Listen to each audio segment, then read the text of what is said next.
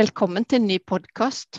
Dette er Bente Kvilhaugsvik. Jeg jobber som førstelektor i sykepleie i Høgskolen på Vestlandet, i campus Stord. Og I dag skal jeg få lov å snakke med deg, Kristine. Det stemmer. Hei, Bente. Jeg heter Kristine Sande Lundemo, og er da leder for Livsgledehjem i Stiftelsen Livsglede for eldre. Jeg er geriatrisk sykepleier og har en master i eldres psykiske helse. Så du vet mye om viktigheten av livsglede? Ja, det gjør jeg, og begynner å få en del erfaring på det området. Og et område som jeg syns er veldig viktig. Ja. Skal vi si litt om livsglede, da? Hva er livsglede for deg, Kristine? For meg så er livsglede familien, det å være sammen med venner. Og så er jeg veldig glad i å dyrke blomster og grønnsaker, så det har jeg allerede begynt med. Jeg er glad i elgjakt, laksefiske, og så er jeg veldig glad i å være sammen med dyr. Alt fra ku til katt og slange. Ja, jeg har kanskje noen av de samme interessene som deg. Jeg er veldig glad i å være ute i hagen min og driver på med grønnsakdyrking og har masse roser og setter veldig stor pris på det. Så har jeg noen bier. Og jeg tenker Som vi hører, da, Bente, så er jo du og jeg ulike, men så er vi også like på en del ting. Og sånn tenker jeg at det er med oss alle sammen. Vi har bl.a. de samme grunnleggende psykologiske behovene. Vi har behov for trøst, å ha identitet og tilhørighet. Og så har vi behov for å bli inkludert. Og så til slutt så er det det at vi har behov for å ha noen aktiviteter som vi opplever som meningsfulle. Og de her behovene er jo selvsagt litt varierende etter hvem vi er. Men jeg tror det som skiller oss aller mest fra hverandre, er vi, hva er det vi opplever som meningsfulle aktiviteter. For der tror jeg det finnes store variasjoner. Mm. Det er klart Når vi har litt like interesser, så vil kanskje de her behovene for trøst og det å ha en identitet og tilhørighet, det vil kanskje være lettere i lag med noen personer enn mm. andre. Mm, det tror jeg også. Og det å ha samme interessene som noen andre kan jo bidra til at vi føler en identitet. da. Det at man er en del av eh, noe som andre også liker å være med på. Mm. Hva er en meningsfull aktivitet? Har vi noen definisjoner på det? Ja, vet du, Det er rett og slett en aktivitet som vi syns er meningsfull å drive med, og en aktivitet som gir oss glede.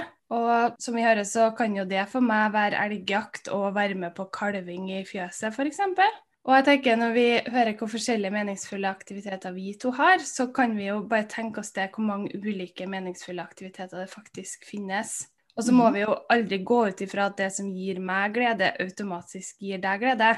For det er jo ikke så sikkert du har lyst til å være med meg på elgjakt og syns det er meningsfullt å gjøre det. Mm -hmm. Vi må da heller ikke tro at alle eldre liker det samme. Bingo og trekkspill, liksom. Sånn er det faktisk ikke. De er mhm. like ulike som alle andre og har behov for ulike meningsfulle aktiviteter for å oppleve livsglede. Ja, det er nok noen eksempler på det som du snakker om der, at en har trodd at alle eldre liker den samme aktiviteten. Så jeg syns det er viktig det at dere setter et fokus på at en har faktisk ulike interesser. Ja, og det tenker jeg er litt sånn viktig. Det har vært mye debatt i media også nå om det at når man kommer på sykehjem, så må man få være i fred at man liksom ikke skal ha så mye aktiviteter. Det personsentrert omsorg handler om, det er at hver enkelt skal få gjøre det som de finnes meningsfullt, og det de har lyst til å gjøre, og som skaper glede for dem. Da. Mm. Så, og det kan jo være ro i aktivitet òg? Ja, og man kan få en opplevelse av ro også etter aktiviteten er ferdig. Ser vi kanskje med mange som uh, har demens, at de kanskje ikke husker selve aktiviteten, men de sitter igjen med en god følelse etterpå. Mm. Vet du noe om hva som kan skape livsglede for eldre som bor på sykehjem? Da? Har du noen eksempler på det? Ja, det har det faktisk blitt eh, forska på ved NTNU. Og hun som heter Eva Rinnan der, har intervjua mange eldre og har eh, laga en skala hvor man kan faktisk måle graden av opplevd eh, livsglede. Og I det arbeidet så kom hun frem til at det var en del ting som gikk igjen, og som måtte være til stede for at alle eldre skulle oppleve livsglede. da. Og da var det første punktet de fant ut, det er positive relasjoner. Og i det så la de eldre det å ha mulighet til å være med, eller snakke med, eller snakke om familie og venner. Så det var mhm. viktig for dem. Mm. Og også det å ha faglig dyktig helsepersonell rundt seg, som møter dem med respekt, empati, oppmerksomhet og bekreftelse. Det var mm. det de la i det å ha positive relasjoner. Ja, og det kan en jo jobbe en del med på litt ulike måter. Det kan man. Når jeg har veiledet sykepleierstudenter ut i praksis, så har vi av og til snakka om reminensarbeid. Dette her med å minnes tilbake relasjoner og situasjoner fra tidligere. Så det er kanskje én måte å jobbe med positive relasjoner. Ja, og veldig mange lager jo sånn type album, f.eks. som de har på sykehjemmet i samarbeid med pårørende, der det står bilder av deres nære, hvem de er, eller bilder av viktige ferieturer som de har positive opplevelser med, og som man kan sitte og se på og snakke med dem om. Da. Og da har jo også helsepersonell den infoen de trenger for å kunne delta liksom, i det øyeblikket, da, og vet mm. hvem de er og hva det var for noe, hvis den personen sjøl ikke husker det så godt. Mm. Så er det faktisk en del eh, velferdsteknologi òg som blir brukt til det. Det at det er lettere å holde kommunikasjon med f.eks. barnebarn på andre sida av jorda. Eh, det at man kan se og høre hverandre på en enkel måte. Da. Ja, Så spennende. Og så Hva var det neste som de forska på og kom fram til? Du, det var det å ha tilhørighet. Og det var å ha noen eller noe å tilhøre. Og ha noe som tilhører deg, da. Det la de også det at man skal ha noen å bry seg om, eller at noen bryr seg om deg. Eller det å motta omsorg, men også det å faktisk kunne gi omsorg til noen andre. Ja, Der har jeg òg noen fortellinger i forhold til det med tilhørighet, som du sier nå. Det at en eldre dame som gjerne var vant med å gi omsorg, og som var begynt å bli dement, og så kom sønnen på besøk, og den gamle mora som alle helsepersonell gjerne forventa skulle trenge omsorg, men der hun faktisk fikk gi omsorg istedenfor. Ja, og jeg husker selv når bestemora mi var på sykehjem, så var hun veldig opptatt av at hun ikke hadde noe å by oss når vi kom. For det var veldig viktig for hun at hun hadde noe kaffebrød og kaffe. Sant? Og det er også en måte å vise omsorg på, og det syns hun var vanskelig, da. Å ikke liksom kunne ordne i stand litt til vi kom. Mm -hmm. Så det å gi noe til hverandre, det er en del av det å høre til? Det er det, og det ser vi veldig ofte med dyr. Da. Et av kriteriene våre er jo kontakt med dyr. Og der får man jo mulighet til å gi omsorg. Det å kunne stryke og kose med et dyr, eller altså Da føler man at man gir omsorg til noen andre. Så det er det veldig mange som opplever som meningsfullt. Mm. Mm. Ja, meningsfulle aktiviteter, det var vi jo inne på òg. Ja, det er det tredje punktet de kom frem til, og det har vi allerede snakka litt om. da. Og også her så er det da definert som en aktivitet som oppleves som meningsfull. Men i det her forskninga så var det veldig også viktig for de eldre da, det å kunne være til nytte. Og det å kunne ta avgjørelser om eget dagligliv, det oppleves også som meningsfulle aktiviteter. da. Mm. Så det ser vi jo en del eksempel på at beboerne på livsgledehjemmene hjelper til med ulike aktiviteter som å sette på bordet før lunsjen, eller hjelpe til å brette vaskekluter. Altså sånne ting der man liksom føler at man har bidratt med noe, da. Mm. Videre så var det jo det de fant ut var viktig, det var de her øyeblikkene av glede. Mm. Og det beskrev de som små glimt av samfunnet utenfor. Og det å få lov å være med på sosiale og kulturelle aktiviteter, være ute i naturen og få besøk. Og jeg tenker Det kjenner både jeg og du også igjen i det å være ute i naturen, at det er viktig for oss. Mm. Det er det ja. også veldig mange eldre. da. Ja, så det handler om å skape gode følelser det gjør det, og for veldig mange så er det kanskje også en litt sånn, kan være en åndelig opplevelse. Det å være ute i og i kontakt med naturen. At man mm. kjenner på det. Så kanskje i stillheten? Mm. Og til slutt mm. så var det aksept. Og det handler om det å akseptere livet og sin egen situasjon. At man mm. har endra seg. Og det er jo ikke noe som alltid trenger å være like enkelt, tenker jeg da. Nei, det trenger ikke være så enkelt å akseptere livet og sin egen situasjon sånn som det er. For det kan jo være at det er mange som har sykdommer som hemmer dem, som kanskje ikke fungerer så godt. og Det er gjerne derfor de er på et sykehjem òg. Ja, og jeg tenker det kan jo være vanskelig, spesielt hvis det endrer seg brått da, funksjonsnivå, eller at man ikke får til de tingene som man har hatt glede av før. Og det tror jeg gjelder for oss alle. Så sånn, jeg skulle operere i et kne, så ble jeg sittende på sofaen hele høsten under elgjakta, mens alle mm. andre er ute, og så er sånn Jeg får ikke til å være med. Men mm. det løste vi på en måte at jeg satt med jaktradioen i sofaen, så jeg fikk til å høre i hvert fall alt som skjedde. Mm Og det har vi sett eksempler på på mange sykehjem også, at gamle jegere får jaktradioen og får lov å lytte når jaktlaget er på jakt, da, og dermed føler at man kanskje er med på aktiviteten, selv om det er på en litt annen måte da, enn man var før. Så er man en mm. del av det sosiale og den aktiviteten som foregår, som kanskje er viktig for deres identitet. da. Mm. Ja. Så det kan være en måte å faktisk eh, akseptere, eller lære seg å akseptere at livet har blitt litt annerledes.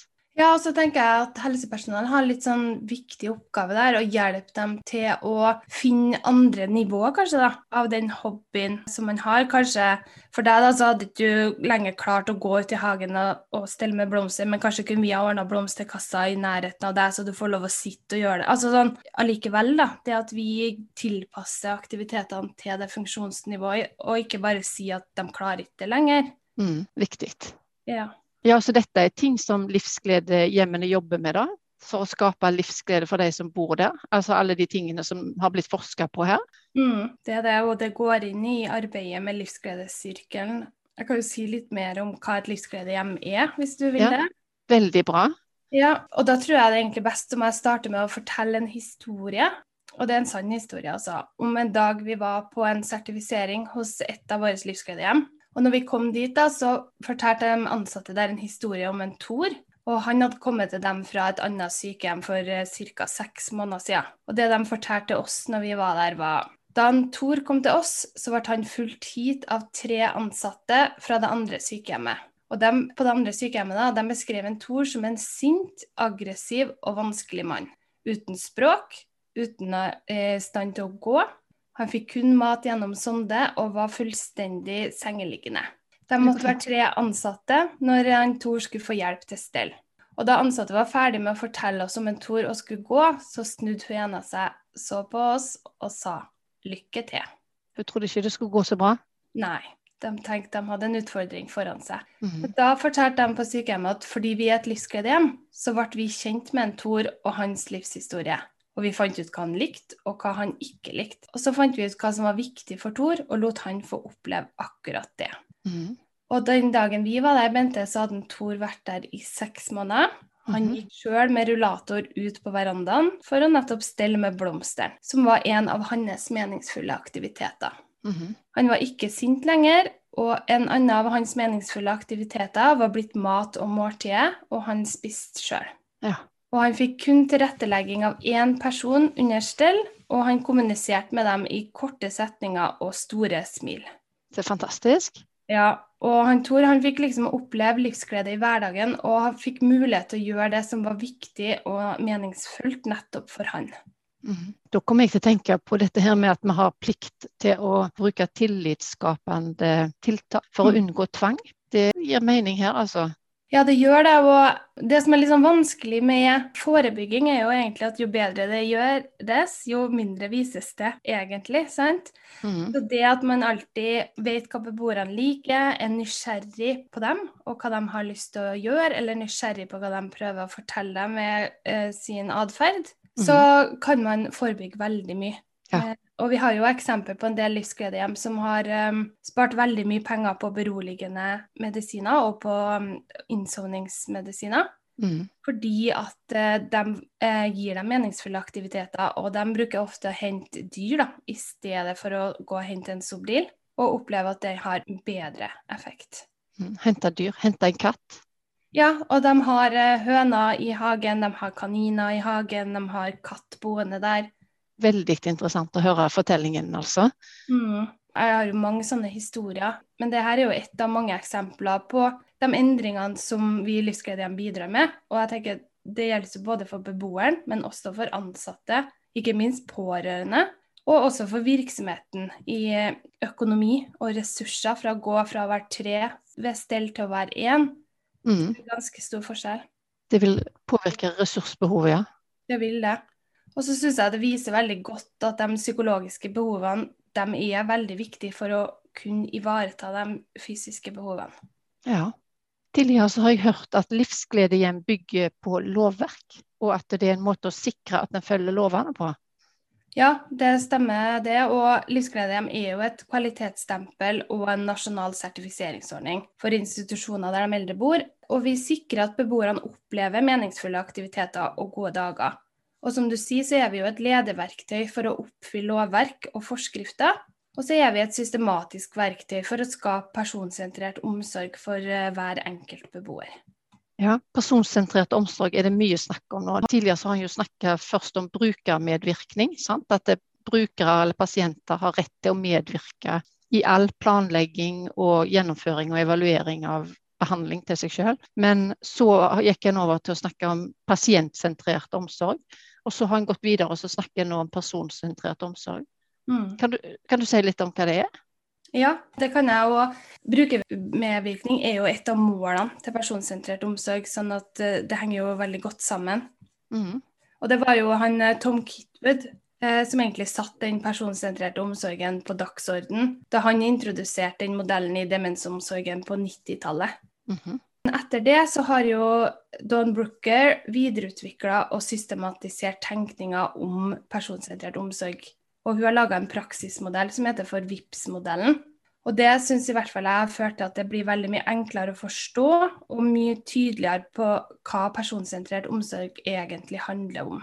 Mm den vet jeg blir brukt i mange sykehjem. Både der det er livsglede hjemme og ikke.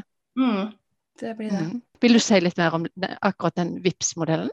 Ja, det handler jo ikke om å vippse penger, da, som kanskje mange tror. Eh, selv om mine barn nok opplever livsglede når jeg vippser til dem. Men det er rett og slett en eh, forkortelse bestående av fire bokstaver. V-en står for verdi, og det er å tillegge alle mennesker samme verdi, uavhengig av alder og kognitiv funksjon. Mm -hmm. I-en det står for individuelt, det å kunne gi en individuelt tilpassa omsorg. Og P-en den står for perspektiv, og det handler om å prøve å forstå perspektivet til beboeren, hvordan beboeren opplever sin situasjon og verden i rundt seg. Mm. Ikke alltid lett ikke alltid lett og henger kanskje godt sammen med den, eh, det å akseptere egen situasjon også. Mm. Men også til personer med demens, f.eks. Hvordan er det de ser på sine omgivelser og det som er rundt seg. Det er ikke sikkert de ser det på samme måte som vi ser det.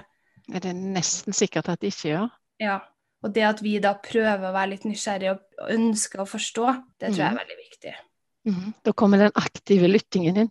Det gjør det. Og observasjon av uh, atferd. Og, og, så tror jeg vi må ha litt nysgjerrighet. Hvis vi sier at noen har en utagerende atferd, så liksom Hvorfor det? Prøv å finne ut, liksom, være nysgjerrig hva de egentlig prøver å fortelle meg nå. Mm. Så til slutt så er det S der, da.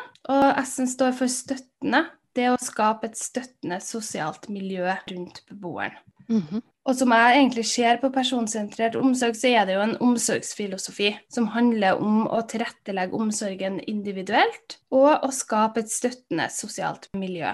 Mm -hmm. Og så De to andre punktene som jeg snakka om, det føler jeg egentlig handler om at de som gir omsorgen, må ha et verdigrunnlag hvor de tillegger alle mennesker den samme verdien, og forsøker å forstå hvordan hvert enkelt menneske opplever sin situasjon og verden rundt seg. Så det går litt mer på oss som helsepersonell, hvordan vi utfører jobben vår, men ikke minst hvilke holdninger vi har. Ja. Og vi kan jo også være en viktig del av et støttende sosialt miljø hvis vi bare jobber personsentrert i omsorg. Mm.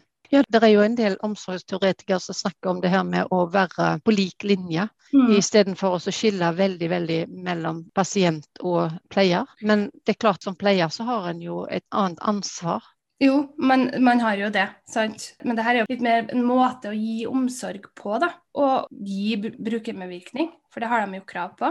Mm -hmm.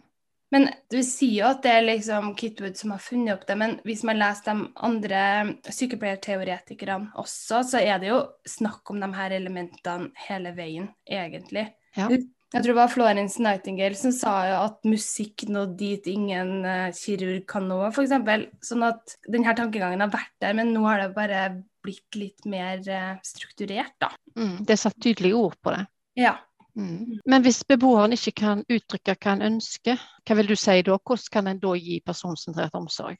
Ja, Utfordringer i personsentrert omsorg til personer som bor på et sykehjem, det er ofte, som du sier, at de kan ha problemer med å uttrykke sine ønsker og behov. Men personsentrert omsorg det forutsetter faktisk at ansatte kjenner den enkelte beboer og kan tilpasse hjelpa etter han eller hennes sine behov. Så for å kunne gi en tilpasset omsorg, så er vi faktisk helt avhengig av at ansatte kjenner beboerens livshistorie. Og mm. gjennom at vi blir kjent med beboeren, hvem de har vært, og hvem de er i dag, tror jeg det også er mye enklere å se at sykdommen og funksjonsnedsettinga ikke er det eneste som kjennetegner dem. Mm. Og det tror jeg kan bidra til at vi ser at alle mennesker har samme verdi. Og jeg tror også at det kan bidra til at vi ikke distanserer oss fra beboerne, men ser at de er enkeltindivider og er faktisk like ulike som du og meg, Bente. Ja, at vi skal bli kjent med beboerne, ja, og hvem de er og hvem de har vært. Eh, altså, En må bruke litt tid rett og slett på dette. Mm, man må det, og jeg tror det er veldig viktig at man eh, får skrevet ned denne livshistoriekartlegginga. Og det er første del av verktøyet Livsgledesykelen, som jo er et verktøy for å sikre at hver enkelt beboer får denne personsentrerte omsorgen. Mhm. Og på et livsgledehjem så skal alle beboerne fylle ut en livshistoriekartlegging.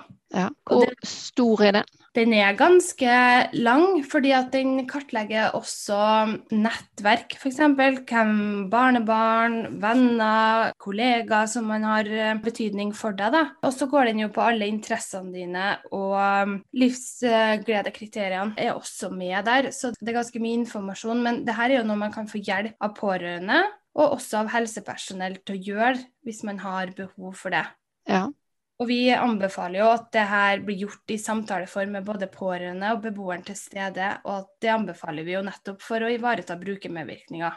ja. Hvor lang tid kan en sånn livsgledekartlegging ta? Nei, Det spørs jo litt. Eh, Jeg ser jo um, at hvis pårørende skal bidra mye fordi at personen sjøl kanskje ikke er i stand til å huske alt, så kan det jo være litt sånn detektivarbeid å finne ut av ting.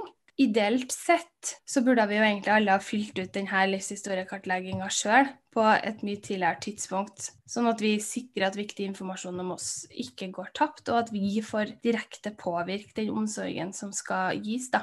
Mm. Man skal gjøre det mens vi er unge og friske, tenker du det? Ja, vi burde det, egentlig. For eh, jeg vet ikke eh, hvis man får noen pårørende til å gjøre det for deg, tror du det blir akkurat sånn som du ville ha gjort det sjøl? Nei, det er ikke sikkert. Nei. Jeg har jo prøvd å få min mann til å gjøre det. Ja, du har det? Ja, og altså, han kjenner jo meg ekstremt godt, men det blir ikke det er akkurat det samme allikevel. For de tolker jo ting som Ja, jeg vasker badet veldig ofte, men jeg syns ikke det er noe artig. Men jeg har jo to tenåringsgutter, så det er behov for at badet blir vaska. Men jeg vil helst ikke ha det som meningsfull aktivitet resten av mitt liv på et livsgledehjem. Nei, da vil du gjøre noe annet. Da vil jeg gjøre noe helt annet. Mm. Så det er jo ikke alltid sånn at det er pårørende som kjenner oss alle så godt. Og derfor er det veldig viktig at ansatte fortløpende fyller på med informasjon etter hvert som de også blir kjent med beboeren og opplever hva de liker og ikke liker. Mm. Og så når de da ikke har språk, og ikke det er kartlagt, hvordan gjør en da? Pårørende kan jo være en viktig ressurs her. sant? De kan jo gi oss et godt utgangspunkt å jobbe videre med, i hvert fall. Men da handler det jo om å prøve ut ting og observere og se hva er det som faktisk ser ut som å gi glede, og hva det er som kanskje gjør at man absolutt ikke har glede. da, At man får tapfølelser f.eks. i stedet. Og det tror jeg er et viktig poeng, det, det at man hele tida jobber med denne kartlegginga. Og vi har jo et krav om at livshistoriekartlegginga skal være en del av beboeren sin elektroniske journal, og skal bli oppdatert jevnlig, helst hver måned. Ja, Den skal ikke ligge i skuff. De skal ikke det. Og mange sykehjem har jo livshistoriekartlegging, men hvis man ikke setter opp oppdateringene i system gjennom livsgledesykkel, så vil den jo ikke lenger stemme overens med den beboeren i dag, og det kan endre seg ganske fort. Mm. Og som du sier, vi har jo ikke samla den inn for at den skal ligge i en skuff og støvne. Men det skal faktisk være et verktøy for å gi individuelt tilpassa omsorg, og da må den være oppdatert. Mm. Og Det kan jo også være at beboerne endrer ønsker. Og I tillegg så opplever jo de aller fleste etter hvert et funksjonstap som gjør at man kanskje ikke får til å gjøre de samme tingene, eller at hobbyen din og interessene dine må tilpasses da, til et nivå der du er i stand til å utføre dem. Ja, Litt sånn som du snakket om tidligere. Ja, og det er det faktisk veldig mange ansatte på livsgledehjem som føler at det kan være litt vanskelig. da, for i hvert fall Hvis pårørende eller beboeren sjøl har skrevet på livshistoriekartlegginga, så skal de gå inn og oppdatere den. Men det er jo faktisk sånn at man skal jo ikke fjerne noe, man skal jo bare tilpasse det til dagens funksjonsnivå. Mhm. Og så er det jo veldig viktig å huske at livshistorien vår den slutter jo ikke den dagen vi flytter på et sykehjem. Vi Mhm. flytter jo dit for å leve resten av livet vårt der, så livshistorien vår fortsetter. Ja. Hva mer kan livshistoriekartleggingen bidra til? da?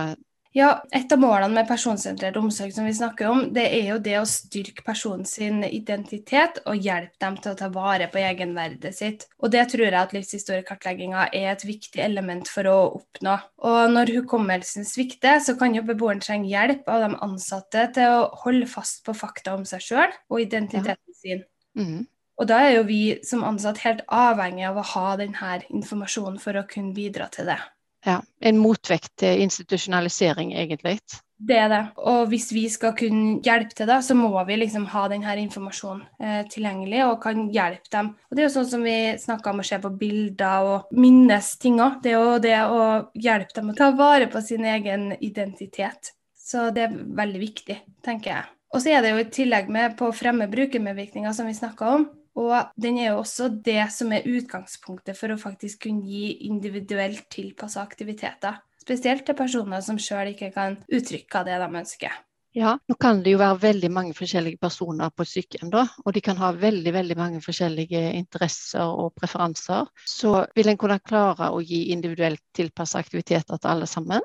Ja, det kan man klare. Og steg to i denne livsgledessirkelen som jeg snakker om, det handler om å planlegge de individuelle tilpassa aktivitetene. Og da bruker man livshistoriekartlegginga, for i den så står det jo nemlig hva beboeren liker å gjøre, og mange andre ting som vi har snakka litt om. Det handler om hobbyer og fritidsinteresser og sånt da?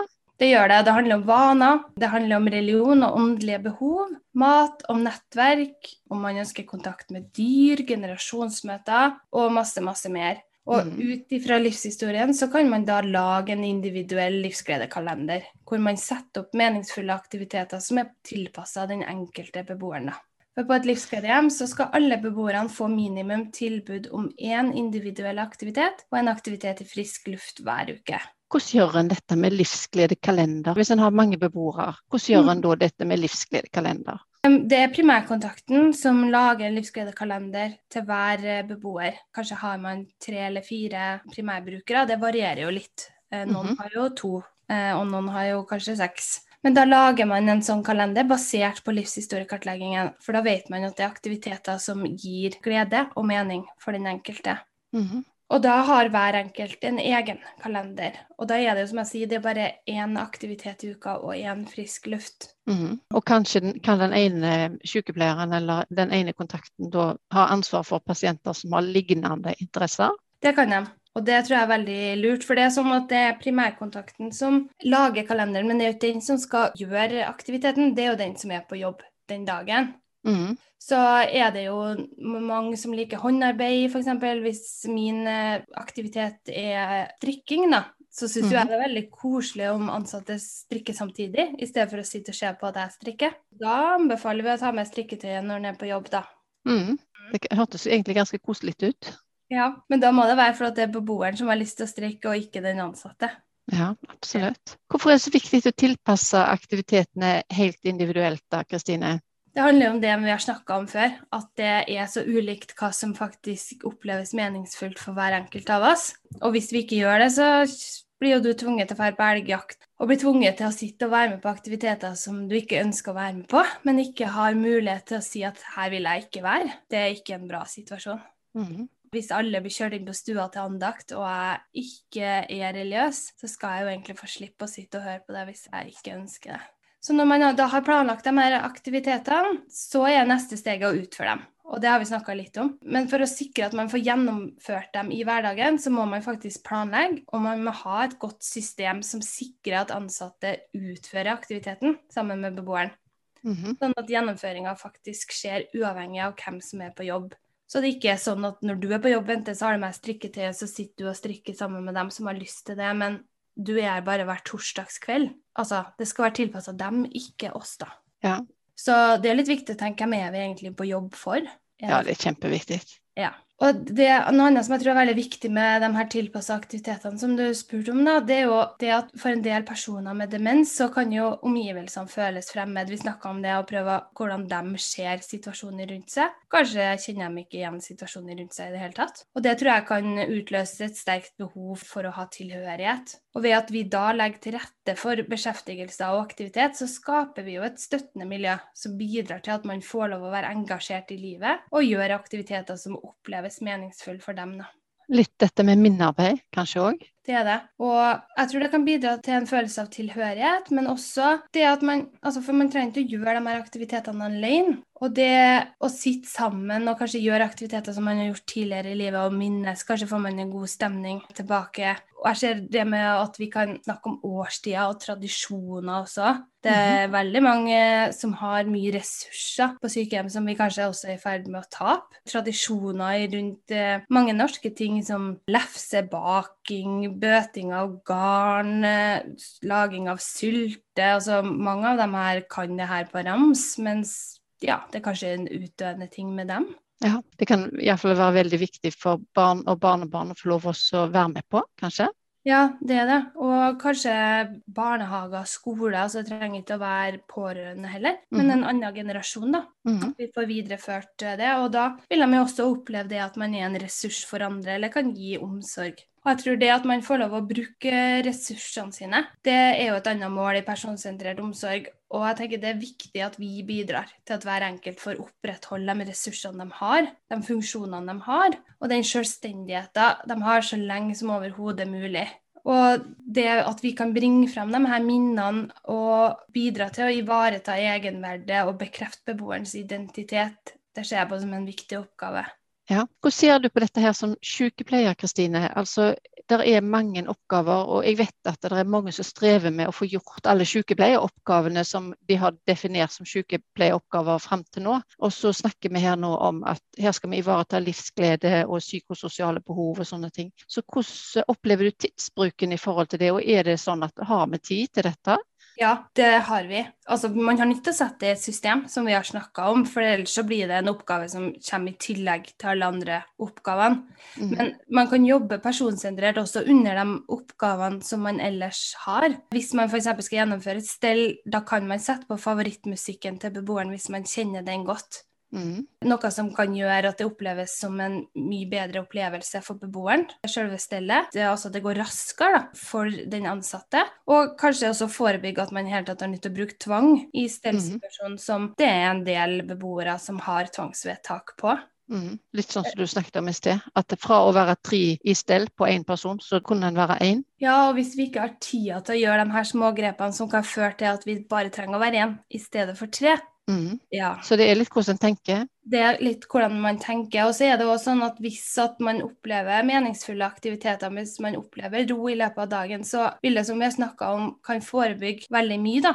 av kanskje utagerende atferd som man ville ha brukt veldig lang tid på om kvelden i stedet. Så det er litt forskjell mellom å jobbe helsefremmende og det å jobbe reparerende, egentlig. Så selv om pasientene bor på sykehjemmet fordi de har problemstillinger, så kan en fortsatt jobbe forebyggende og helsefremmende. Ja, og jeg tenker det er jo både for helsepersonell, for kommunen, for pårørende, for beboeren, så er det jo ekstremt viktig at de får brukt ressursene sine og får beholdt de funksjonene de har så lenge som overhodet mulig. Mm. Så det er veldig synd, syns jeg, når at, og det tror jeg kanskje helsevesenet er litt sånn prega av i mange kommuner i dag, at vi får etter å behandle. I mhm. stedet for at vi har klart å komme oss tre skritt foran og forebygge det lårhalsbruddet. For eksempel. Mm. Da jeg gikk på sykepleien, så lærte jeg at vi skal ivareta hele personen.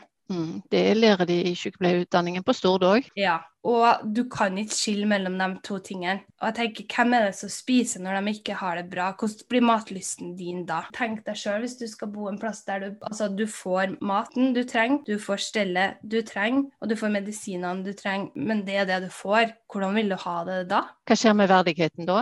Ja, og hva skjer med hele deg som person, og de fysiske tingene også. Jeg tenker, henger, Vi er én person, og alt henger sammen. Mm. Og det går ikke an å se på dem hver for seg. Nei. Og det ser vi jo sånn som vi snakka om den historien om en Tor òg. Det henger sammen, og det har konsekvenser og effekter mm. for de ulike tingene. Mm. Så det å si at man ikke har vært sykepleier for å grille pølser, det er jeg uenig i. For hvis man er en god sykepleier, så ser man den helsegevinsten det faktisk har. Mm. Vil du si litt mer om dokumentasjon, Kristine?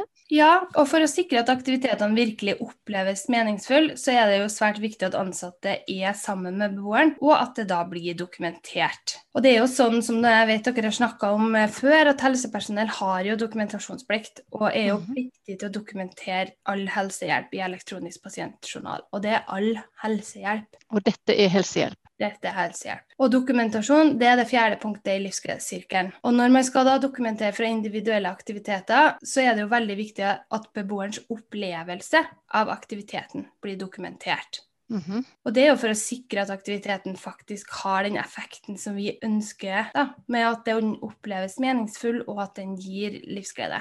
Ja. Og så er det jo sånn at en del beboere kan jo sjøl svare for hvordan de har det, og da dokumenterer man jo det de sier. Men for dem som ikke kan det, så er det veldig viktig at man observerer atferden til beboeren under aktiviteten. F.eks. Ja. smiler dem, synger dem med, tramper takter, eller kanskje rett og slett det motsatte. Blir de urolige og frustrert av denne aktiviteten? Mm. Litt sånn som vi snakket om i sted, det som jeg spurte deg om. Ja. Når de ikke har språk. Ja, og når man jobber personsentrert, så må man jo se på alle atferden som meningsfull. Mm. Og når en person med demens er urolig eller frustrert, så har det en bakenforliggende årsak som hos både meg og deg. Ja. Og atferd kan jo f.eks. være uttrykk for at han trenger trøst, at han kjeder seg eller føler seg utafor. Eller det kan jo òg være for fysiske eller psykiske plager som smerter, forstoppelse eller depresjon. Så det her må vi lytte. Ja. Da tenker jeg at det er veldig viktig at beboeren får nok tid da, på å uttrykke seg. Og at kunnskapen om beboeren sine vaner og livshistoriekartlegging må brukes for å tolke atferd som kan være vanskelig å forstå. Og ved at man dokumenterer beboerens opplevelse, har man mulighet til å se på denne atferden og gjøre en evaluering av aktiviteten. Ja, hvordan går dere fram for å evaluere? Evaluering er jo det femte steget i livsgledessirkelen. Og på et livsgledehjem så leser man da gjennom dokumentasjonen på aktivitetene som har skjedd den siste måneden. Og da får man et raskt overblikk over hvilke aktiviteter som har gitt livsglede, og som da oppleves meningsfull. Mm -hmm. Men man oppdager da også hvis det er sånn at beboeren f.eks. blir urolig, sint eller frustrert når en aktivitet blir gjort. Ja. Og Det er derfor det er så viktig at man da evaluerer. fordi det er jo ulike ansatte som gjennomfører aktivitetene. Og det er ikke så enkelt å vurdere etter én gang om likte den eller likte den ikke. Kanskje hadde den en dårlig dag eller hadde smerter den dagen. sant? Så det er ikke så enkelt. Mm. Så da er det sånn at dette kan bli tatt opp i regelmessige møter om pasientene, da? Ja, det kan man eh, godt gjøre, men eh, vi legger opp til at primærkontakten bare kan lese gjennom en gang i måneden, og se da om man ser et mønster i denne atferden. Og vi har jo vært på en del i prosessen mot å bli et livsgledehjem, da, der man -hmm. kanskje ikke har kommet så langt at man begynner å evaluere ennå, at man bare dokumenterer. Så, står, så sitter vi og leser i journalen, og så står det 'vært på bingo, likte det ikke'. Vært på bingo, ble urolig. Vært på bingo, sa han ville gå. Og så skjønner du, så leser vi samme. Men det er ingen som har stoppa opp enda, mm -hmm. fordi de har ikke kommet så langt i prosessen med å bli et livsglede Det er ingen som har stoppa opp og sagt 'jeg tror rett og slett ikke han liker bingo', kanskje vi skal ta det bort'. Mm -hmm. Og det er jo akkurat på samme måte som vi ville ha gjort med andre ting. Altså det her såret har blitt verre enn det var forrige gang. Skal vi da bare fortsette med den samme sårprosedyren? Da må man gjøre en evaluering. Og det er jo faktisk sånn at ved de rette aktivitetene så kan vi jo gi støtte og ivareta beboeren sine grunnleggende behov, som kan føre til at vi bygger opp personens opplevelse av egenverd. Mm. Men så er det sånn at hvis aktivitetene ikke er riktige for den enkelte, så kan vi jo gjøre det stikk motsatte. Vi kan faktisk påføre dem en tapsfølelse, frustrasjon, og rett og slett overse de grunnleggende psykologiske behovene til beboeren. da. Ja, F.eks. med å ta vedkommende med på en aktivitet som vi har sett at han eller hun ikke liker. Ja, og det medfører jo rett og slett at vi kan være bidrag til å bryte personens opplevelse av å ha en egenverdi. Da. Og det er derfor det er så viktig at man har evaluert, for da kan man jo faktisk oppdatere den kalenderen igjen. Ja. Så Det siste leddet i livsgledessirkelen det er at man oppdaterer, og da bruker man det man har lært i evalueringa, til å oppdatere livshistoriekartlegginga. Og så kan man da på nytt ta utgangspunkt i en oppdatert livshistoriekartlegging og lage en individuell kalender med aktiviteter som man vet er meningsfull for beboeren, og som man vet er tilpassa han eller hennes nåværende funksjonsnivå, sånn som det er i dag. Ja, Det du har snakka om nå, det er jo kjempeviktig. Eh, og jeg tenker jo at alle som bor på norske sykehjem, skulle få lov å ha det sånn. Ja, det mener vi òg. Og vi har jo et eh, ønske om at alle beboerne på norske sykehjem skal få en omsorg som er personsentrert. Og det er jo ikke bare noe vi ønsker, det er også målet i Leve hele livet-reformen og i trygghetsstandarden for sykehjem. Mm. Og For å lykkes med det, så tror jeg man må ha gode systemer og prosedyrer. Og man må kartlegge, planlegge, evaluere og så korrigere. Det du har snakket om nå, Kristine, det er jo kjempeviktige ting. Og det er jo derfor vi har laget noen podkaster om livsglede for eldre nå, ikke sant? Mm. Vil du si noe mer sånn avslutningsvis? Ja, jeg tenker at Livsgledehjem det er jo et arbeidsverktøy som vi har snakka om, som sikrer at alle beboerne får en personsentrert omsorg, og at de får ivaretatt sine sosiale, kulturelle og åndelige behov. Og det må settes i system på lik linje som andre ting må settes i system for at det skal bli gjennomført på et sykehjem. Da. Som f.eks. å gi medisiner. Vi kan ikke bare gjøre det når vi kommer på det. Det må være et system bak. Mm. Og livsgledehjem det handler om å se hvert enkelt menneske og jobbe ut ifra den personen sine behov. Og det handler om å fokusere på ressurser og mestring i stedet for på bare sykdom og begrensninger. Og livsgledehjem det bidrar til at vi ivaretar beboerens identitet, og den man er i dag, den er jo forma av erfaringer, opplevelser og livshistorien til den enkelte av oss. Mm. Altså Personsentrert omsorg det er jo en del av sykepleierne sin faglighet. det. Og så kom jeg på en annen ting, at en del av fagligheten er òg samarbeid med andre, og å koordinere tjenester rundt en pasient, og òg å lede arbeid rundt en pasient. Men har du noen tanker om hvem andre en kunne hatt samarbeid med for å ivareta personsentrert omsorg? Ja, og det er jo sånn at veldig mange av de her meningsfulle aktivitetene som vi har snakka om, det kan gjøres mellom frivillige og beboer, og ikke nødvendigvis helsepersonell og beboer. Mm -hmm. Og på livsgledehjemmene så har man gode rutiner for å samarbeide med de frivillige. Og meningsfulle aktiviteter tenker jeg er oppgaver som svært mange av de frivillige kan gjennomføre. Mm -hmm. Og her syns jeg også at vi bør tenke personsentrert og finne frivillige som deler de samme interessene som beboeren, sånn at de får bidra med ting de liker, og beboeren får gjennomført meningsfulle aktiviteter i et støttende sosialt miljø. Mm -hmm. Men det vet jeg at dere har snakka mer om på en annen postkast, som man kan høre litt mer i dybden om samarbeid med frivillige. Ja, Så det går an å gå tilbake til de tidligere podkastene og få utfyllende informasjon? Det gjør det. Ja, Tusen takk til deg, Kristine. Da tror jeg vi skal takke for i dag. Takk for at jeg fikk lov å komme. Ha det godt, da. Ha det bra. Du har nå hørt en podkast fra Høgskolen på Vestlandet. Du kan høre flere podkaster fra oss ved å gå inn på nettsiden hvl.no. slash podkast.